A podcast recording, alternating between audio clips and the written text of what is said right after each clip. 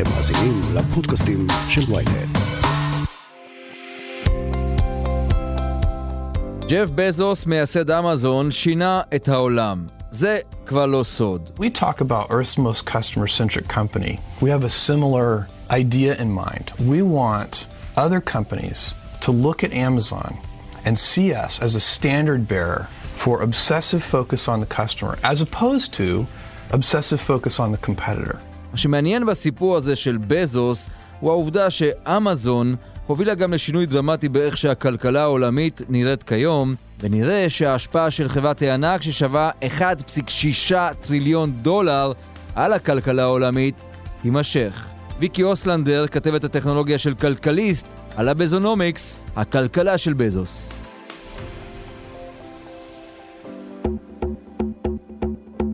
הכותרת, הפודקאסט היומי של ynet עם עטילה שומפלבי. ויקי, אמרתי בזונומיקס, וזה בא בעקבות ספר חדש שיוצא בהוצאת ידיעות אחרונות, שמתאר היטב את מה שקרה גם לכלכלה העולמית, אבל בעיקר לאמזון בשנים האלה, מאז שהיא קמה.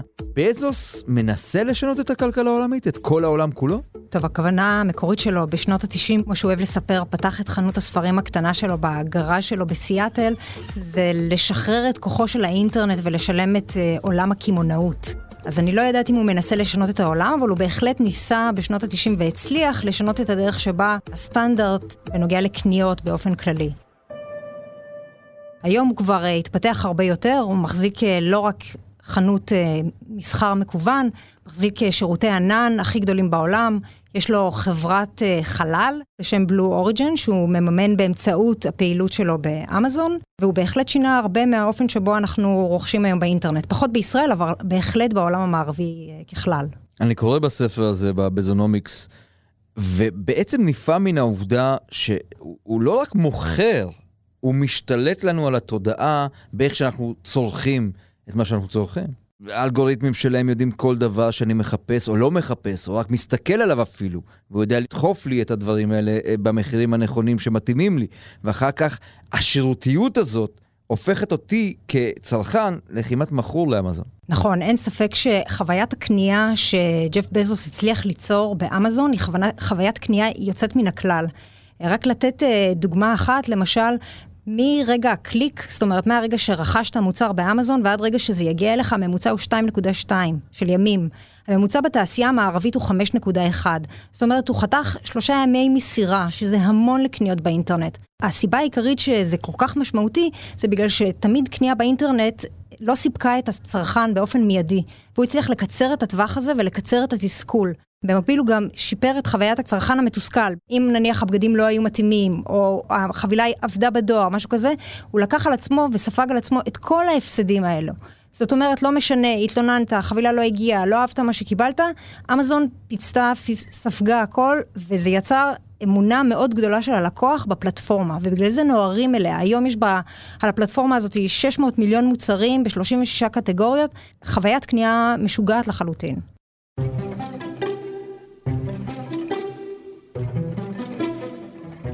הרבה מאוד נכתב על, ה... על העבודה באמזון.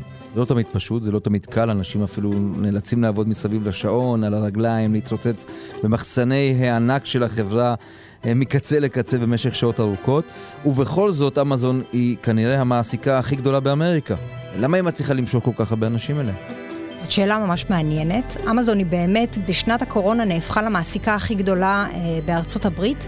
עם 1.3 מיליון עובדים, רובם באמת עובדים כעובדי מחסנים ושליחים. צריך להזכיר שלאמזון יש את מערך השליחים, אחד הגדולים אה, בארצות הברית, היא לא נסמכת לא על פדקס, לא על הדואר המקומי, לא שום דבר. היא גם אה, מחזיקה ב-11 מטוסי ג'מבו שהיא רכשה, שזה לא דבר אה, מה בכך.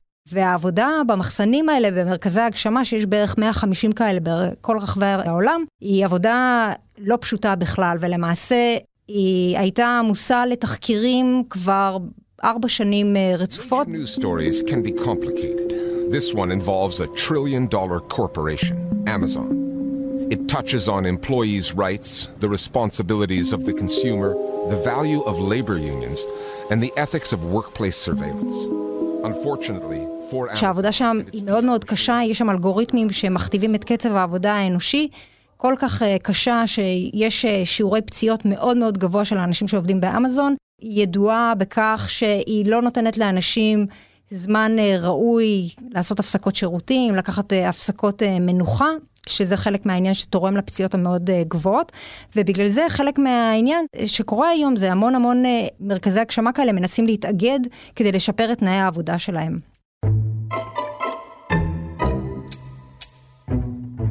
מה בעצם אפשר ללמוד, או אנחנו יכולים ללמוד, מהמודל העסקי של המזון?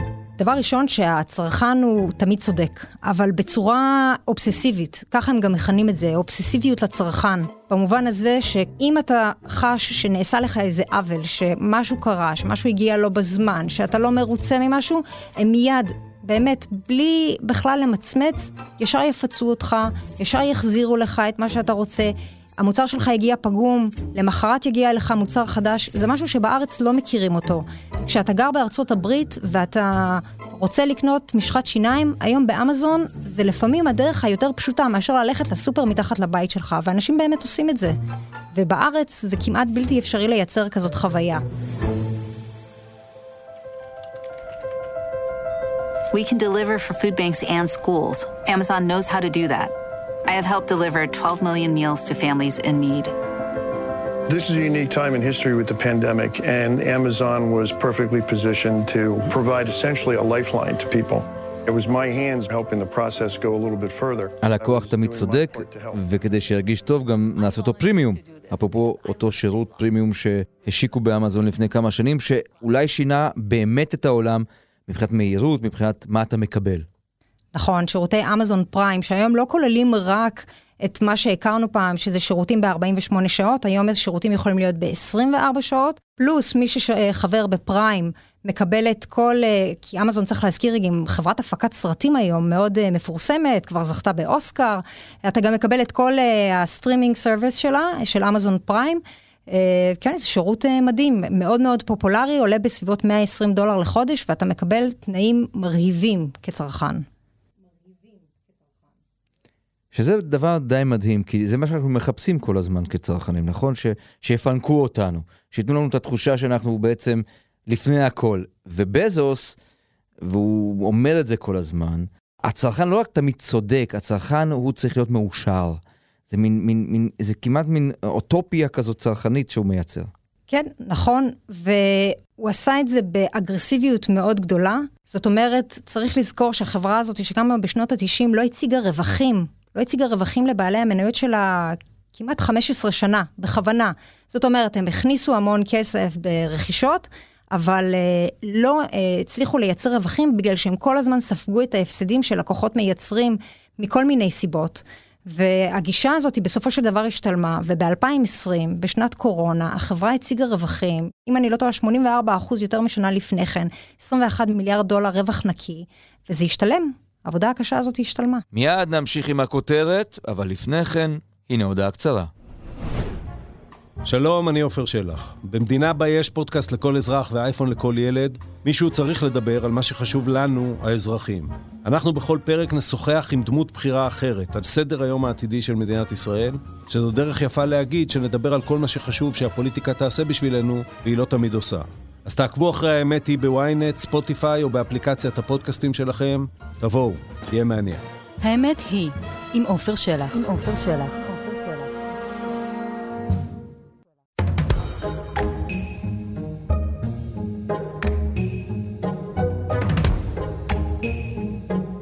את ציינת קודם שציטטת בעצם את בזוס מדבר על החנות הקטנה שלו למכירת ספרים. היום, חוץ מהמכירות, הרי אמזון בכל מקום, והזכרת את הסרטים ואת הסטרימינג ואת המוזיקה, אבל גם את אלקסה.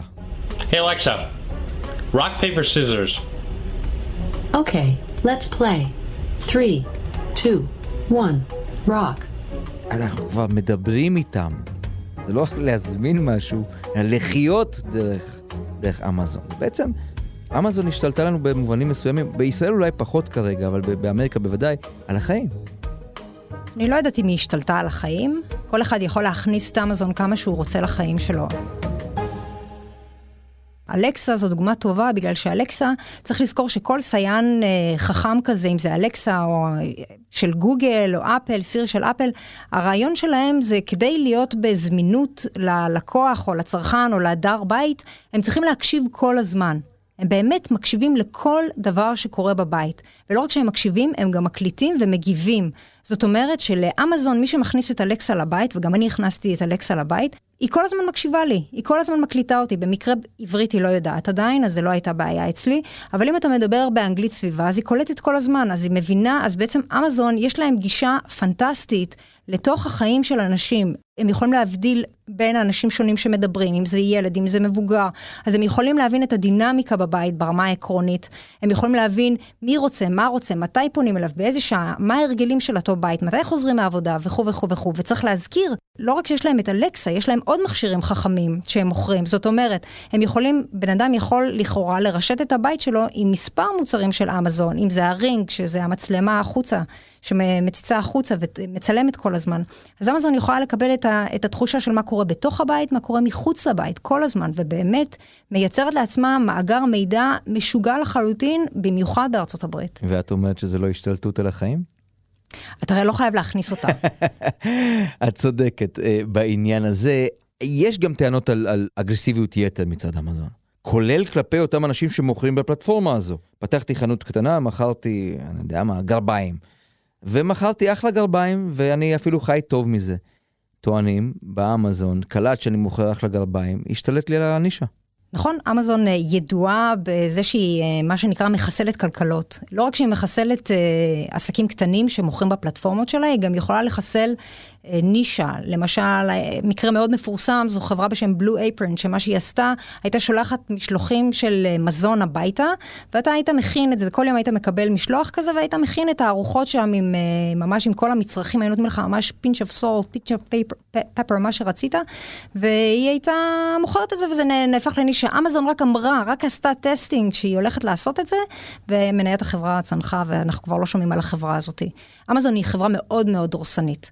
העובדה שהיא הצליחה לגדול כל כך ולהיות שווה היום כל כך הרבה כסף, אה, הופכת אותה לבעלת השפעה גדולה מדי אפילו על הכלכלה האמריקאית, על הכלכלה הקמעונאית, וגם אה, בארצות הברית כבר שמים לב לזה, ורשות הגבלים עסקיים אה, פותחת עיניים שם ומתחילה לחקור את הפרקטיקות שלה, יש המון דברים שהיא עושה שהם אנטי-תחרותיים, שהיא מייצרת לעצמה מונופולים, ומתחילים אה, להסתכל על זה כמו מרבית ענקיות הטכנולוגיה.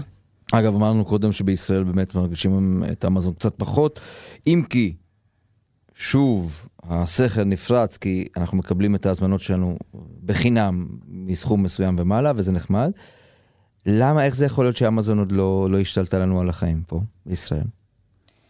טכנית אמזון לא יכולה לפעול כאן כמו שצריך. זה, כל עוד לא יהיה שלום במזרח התיכון זה לא יקרה.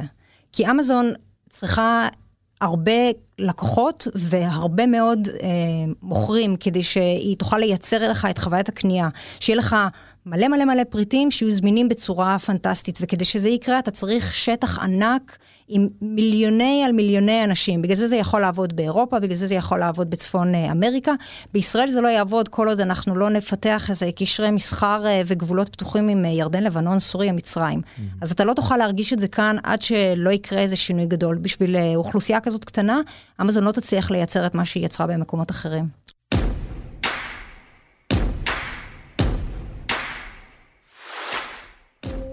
בזוס אה, פינה את מקומו, מה הלאה? כלומר, לאן הם שואפים? אמזון או בזוס, שני דברים שונים. בואי אחד אחד. אמזון מאוד מרחיבה את אה, שירותי הענן שלה. היא למעשה חברת הענן הכי גדולה אה, בעולם. הדבר הזה מייצר לה הכנסות משוגעות. שלבים מסוימים, עד לפני באמת 2020, זה היה הרווח הכי גדול שלה בעצם, מוצרי הענן העסקי שלה. אז היא מאוד מפתחת את עצמה בנושא הזה. כמו שאתה ציינת, אלקסה וכל המוצרים החכמים, מוצרים אלקטרוניים, היא מפתחת לעצמה מותג פרטי של בגדים שהיא מוכרת. היא עכשיו, uh, הייתה חשיפה של וול סטריט ג'ורנל שהיא כנראה הולכת לפתוח חנויות כלבו. זאת אומרת, חנויות ענק, ולהציג את מרבית המותגים הפרטיים שלה שם, כדי לייצר לאנשים את חוויית הקניות הפיזית, שבעצם שנים הציגו אותם, אבל היא נתנה תמיד את החוויה המקוונת, ועכשיו היא הולכת להציג גם חוויה פיזית. זאת אומרת, מבחינתה, מה שהיא רוצה זה רק לצמוח ולצמוח ולצמוח, ולכמה שיותר תחומים אפשריים. Seven, six, five, four. Command engine start. Two, one.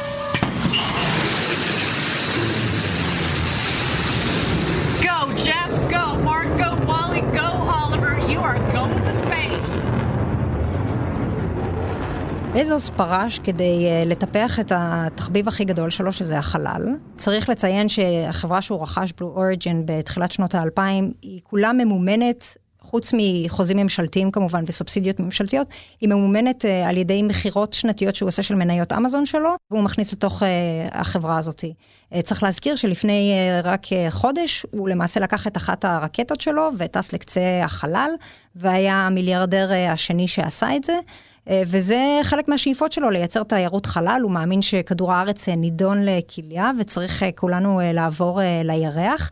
חשוב לציין אגב שאחת הסיבות שכדור הארץ במצב די מאפן זה בין היתר בגלל תביעת הפחמן האדירה שאמזון מייצרת. היא שורפת משהו כמו 140 מיליון חביות נפט בשנה רק בשביל לתת את אותו שירות המרהיב. ואז הוא שם את פעמיו לחלל כרגע. בחלל, על כדור הארץ, בזוס ואמזון כאן כדי להישאר. מה את רואה הלאה בעיני רוחך ככה שאת מנתחת את התחום הזה? זאת שאלה ממש טובה. העתיד של החברות האלו, יש עליו צל מאוד כבד, בגלל שבאמת הדומיננטיות העצומה שהיא רק מפתחת יותר ויותר, מגדילה את המבט הממשלתי שלה לא רק בארצות הברית, אלא גם באירופה. היא מסובכת בהמון המון תביעות, הגבלים עסקיים. Uh, החברה ידועה לשמצה שהיא מתחמקת שיטתית ממיסים, uh, וגם באירופה וגם בארצות הברית רוצים שהחברה הזאת תתחיל לשלם את המס הפדרלי ההגון שלה, ולכן קצת קשה לדעת בדיוק מה יקרה איתה, אבל אם היא תמשיך בצורה שהיא ממשיכה, זאת אומרת, להיות חברה סופר חדשנית, אינטליגנטית, שיודעת לנצל גם כל פרצה אפשרית, uh, כנראה שהיא רק תמשיך לצמוח. ויקי אוסלנדר, כלכליסט, המון תודה. תודה. עד כאן הכותרת להיום. מחר נהיה כאן שוב עם פרק נוסף. אתם מוזמנים להזין לפרקים נוספים בוויינט, בספוטיפיי, באפל ובכל אפליקציות הפודקאסטים באשר הן.